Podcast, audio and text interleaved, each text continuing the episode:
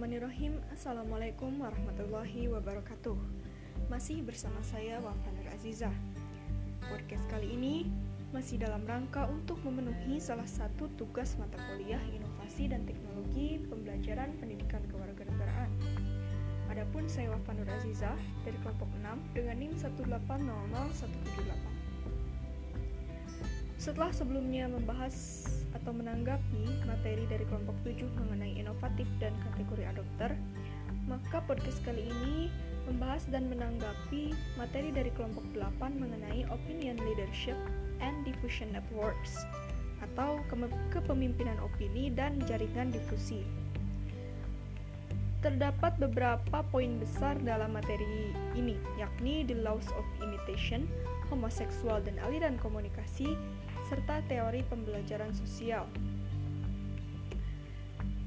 Kepemimpinan opini, yakni sejauh mana seorang individu secara tidak langsung dapat mempengaruhi sikap atau perilaku terbuka orang lain dengan cara yang diinginkan dengan frekuensi yang relatif. Pemimpin opini penting dalam menentukan tingkat adopsi inovasi dalam sistem sosial dalam rangka memahami sifat kepemimpinan pendapat difusi, maka kita perlu mempelajari mengenai model aliran komunikasi massa yang terdiri dari dua jenis.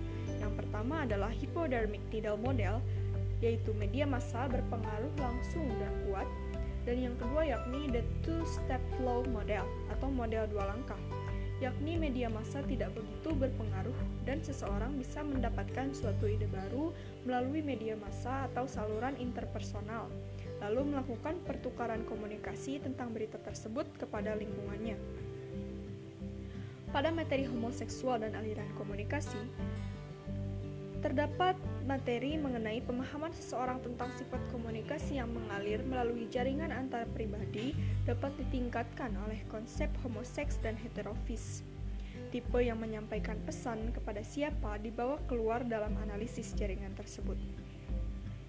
Mengenai teori pembelajaran sosial, Teori pembelajaran sosial yakni ketika seseorang belajar dari orang lain melalui pemodelan dari pengamatan dan menirunya walaupun tidak sama persis atau disebut dengan tiruan sederhana atau peniruan buta. Pemodelan ini memungkinkan pembelajar untuk mengadopsi perilaku yang diamati dan menuju kepada penemuan kembali suatu inovasi. Namun, agar pemodelan sosial terjadi dan berhasil, maka individu harus fokus dan menyadari perilaku individu lain dalam suatu jaringan komunikasi yang telah mengadopsi inovasi untuk ditiru. Tingkat fokus individu di sini dihitung dari tingkat kedekatan dengan individu fokus tersebut. Jadi apabila semakin dekat, maka individu tersebut akan semakin fokus untuk meniru atau mengadopsi suatu inovasi. Namun jika tingkat kedekatan individu terhadap individu lain yang akan ia tiru tidak terlalu dekat atau bahkan jauh, eh, maka dia susah untuk meniru dan mengadopsi inovasi tersebut. Hal ini berhubungan dengan saluran komunikasi dalam sistem sosialnya.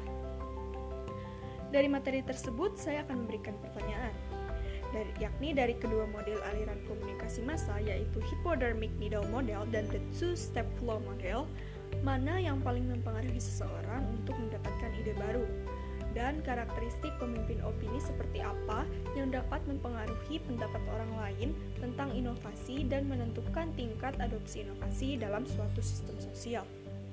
Sekian pada podcast kali ini. Terima kasih, sampai berjumpa di podcast selanjutnya.